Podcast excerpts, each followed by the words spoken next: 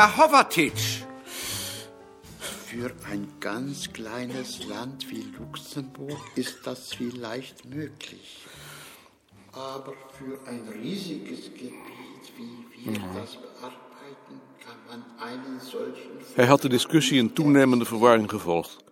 Hij had vaag de indruk dat Horvatic en Gunterman elkaar niet begrepen, doordat Horvatic de historische veranderingen onderschatte en Gunterman ze juist wilde uitsluiten. Maar als hij daarover probeerde na te denken, werd het een chaos in zijn hoofd.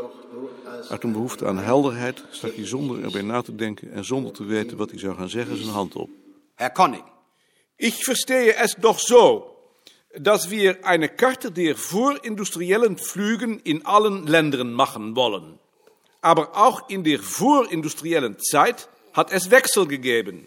In den Niederlanden findet man auf Abbildungen aus dem 16., 17., 18. Jahrhundert Flüge, die es im 19. Jahrhundert nicht mehr gibt. Was machen wir mit diesen Daten? Die sind doch ebenfalls wichtig. Herr Hovertitsch, diese Frage scheint mir besonders wichtig. Ich kenne natürlich diese Abbildungen, von denen hier die Rede ist,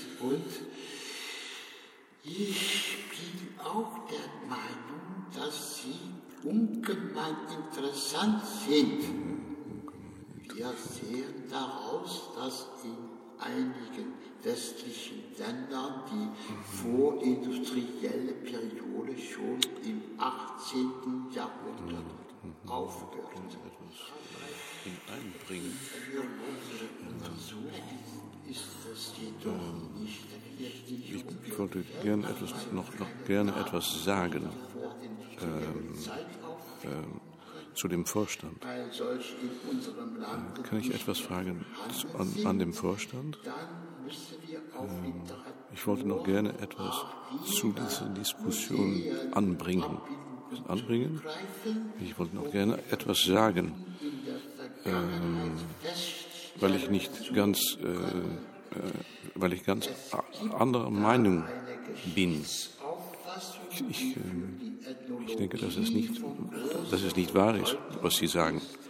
Also, ähm, das ist ganz Unsinn meiner nach. Und ähm, ich denke, ich denke, dass das kompletter Wahnsinn ist, wenn Sie so, so wie Geschichte wirklich, das ist Darf ich? Unsinn. Bitte, Herr Güntermann. Ich möchte dem, was Herr Petsch soeben gesagt hat, gerne Beifall zollen. Wenn wir Pflüge verschiedener Zeiten nebeneinander zeichnen, bringt das eine Unklarheit in die Karte, die wir vermeiden sollen. Ich glaube, hinter diesem Prinzip steht die Auffassung, Unklarheit. dass sich die Erscheinungen über die Jahrhunderte hinweg im Wesentlichen nicht geändert haben. Eine solche Auffassung ist heute nicht mehr aktuell. Meines Erachtens nach müssen wir uns auf einen bestimmten Zeitraum einigen, etwa 1880 bis 1920. Ja. Dann bekommen wir für den Nordwesten Europas zwar fast nur eiserne Fabrikflüge, aber das kann man dann im Kommentar mit historischen Daten und eventuell 1858. mit einer Nebenkarte präzisieren. Schließlich liefern wir damit auch einen Beitrag zur europäischen Innovationsforschung. Mr. O'Sullivan, I wonder if I may say it in English. äh, bitte, ich meine, please. Perhaps my friend Alex could translate it. Oh, yes. Well, as I see it, there are two opposite points of view in this discussion. The first one is that of Mr. Horvatic, who wants a map with a maximum of historical information. The other one is that of Mr. Guntermann, who seems to be more interested in the process of innovation. Why should we not reconcile these opposites by making a series of maps? Dr. O'Sullivan mag den Vorschlag einer Reihe von Karten zu entwerfen. Ich weiß nicht, ob Herr Kollege Hovertitsch sich mit diesem Vorschlag einverstanden erklärt. Aber meines Erachtens hat Herr Güntermann recht, wenn er fordert, dass eine Karte prinzipiell zeitgleich sein muss. Und ich für mich halte eine Zeitspanne von 100 Jahren, also von 1850 bis 1950, für das Äußerste. Außerdem bin ich der Meinung, dass wir dazu dieselbe Quelle benutzen müssen. Das heißt Fragebogen und Feldarbeiten. Eine zweite historische Karte, wie Mr. O'Sullivan vorschlägt, könnte dann die älteren Daten bringen. Herr Klee! Falls äh, das, was Sie jetzt vorschlagen, die Schlussfolgerung dieser Diskussion sein sollte, möchte ich noch etwas äh, sagen. Sie wählen als Zeitspanne die Periode von 1850 bis 1950. Warum keine Karte von der Situation, wie sie jetzt ist, wie jeder von uns sie festlegen kann? Wir kümmern uns jetzt um Daten aus einer Zeit, wofür wir kaum mehr Zeugen auffinden können. In 50 oder 70 Jahren werden künftige Ethnologen die Daten für unsere Zeit sammeln müssen, weil wir dafür die Zeit nicht gefunden haben. Wäre es nicht besser, jetzt das Material unserer Zeit zu sammeln, statt andauernd 50 Jahre hinter unserer Zeit Erd zu inken? Herr Klee! Ich kann nicht glauben, dass es Ihnen mit diesem Vorschlag ernst ist. Ein solcher Vorschlag würde das Gebäude des Atlases, wo wir alle unser Herz haben, sprengen. Wir sind doch deswegen zusammengeführt worden, weil bei unseren nationalen Atlanten plötzlich jeder an irgendeiner Grenze stand. Es ist unsere Grunderfahrung, dass sie Traditionsgrenzen weder an Staats- noch an Volksgrenzen halt machen. Wir wollen die große gesamte Kulturverflechtung innerhalb Europas vor der Zeit der Industrialisierung. Die seit der Jahrhundertwende die traditionellen Arbeitsweisen völlig beiseite geschoben hat, an einzelnen Beispielen verdeutlichen. Wir wollen innerhalb Europas im Laufe der letzten 2000 Jahre die wichtigen Kultur- und Strahlungszentren Immer anerkennen. im Laufe Auf letzten der anderen Seite 2000 die Jahre Konservativen, die Religionen. wichtige Kultur- und Strahlungszentren erkennen. wirtschaftlichen, sozialen und politischen Antriebe und Ursachen dahinter gestanden haben. Wir sind insofern nicht nur Ethnologen, sondern auch Kulturhistoriker. Das ist unser Ziel. Und von diesem Ziel müssen wir uns nicht entfernen mit Vorschlägen so wie den Ihrigen, Herr Klee. Man hat in der Diskussion mehrere Kompromisslösungen vorgeschlagen. Es geht aber in der Wissenschaft nicht um Kompromissen, sondern um die Wahrheit. Wenn wir alle Daten gesammelt und untersucht und die Wahrheit ge- kennengelernt haben, haben, können wir noch darüber diskutieren, wie wir sie publizieren sollen. Falls keiner mehr das Wort wünscht, schlage ich jetzt eine kurze Kaffeepause vor. Nachher werden wir dann über die Karte der Jahresfeuer diskutieren.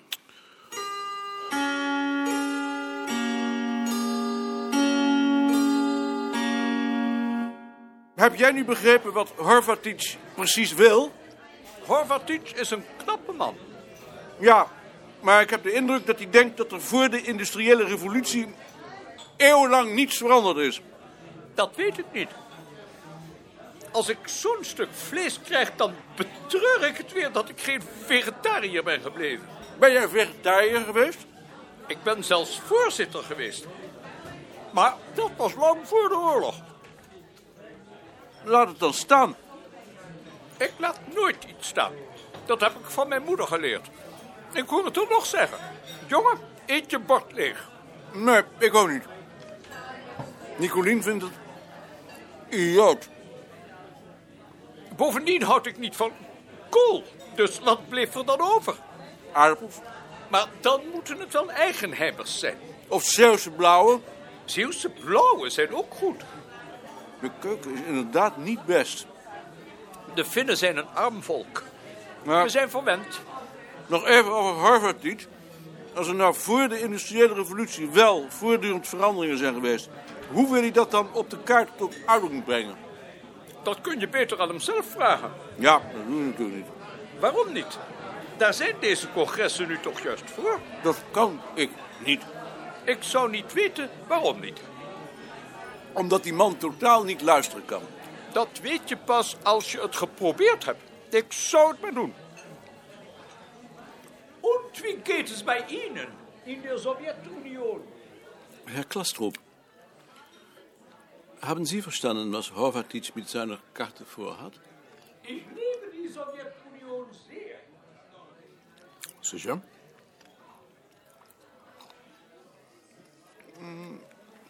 Und falls es auch in der vorindustriellen Periode Änderungen gegeben hat? Ja? Wie sieht man das dann auf der Karte? Ja? Sagen wir, Sie haben den Auftrag bekommen, die Karte von der Sense zu machen für ganz Europa. Ja. Jetzt finde ich auf Abbildungen eine Sense, die man zwar im 17. Jahrhundert in den Niederlanden gekannt hat, aber die seitdem verschwunden ist. Das würde mich sehr interessieren. Sie bringen diese Sense also auf Ihre Karte. Ohne Zweifel. Aber, aber wie sieht man dann, dass sie wieder verschwunden ist? Das ist nicht wichtig. Wichtig ist nicht, dass sie verschwunden ist. Wichtig ist, dass sie da gewesen ist. Auch. Aber auch, dass sie wieder verschwunden ist. Uns geht es um die Verbreitung der einzelnen Sensen. Aus dieser Verbreitung können wir dann die kulturellen Zusammenhänge ablesen.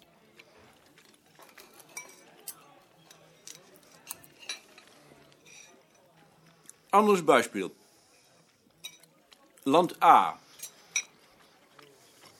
Im Land A, sagen wir Danmark, hat man nur eine Sense. Wir haben mehrere Sensen.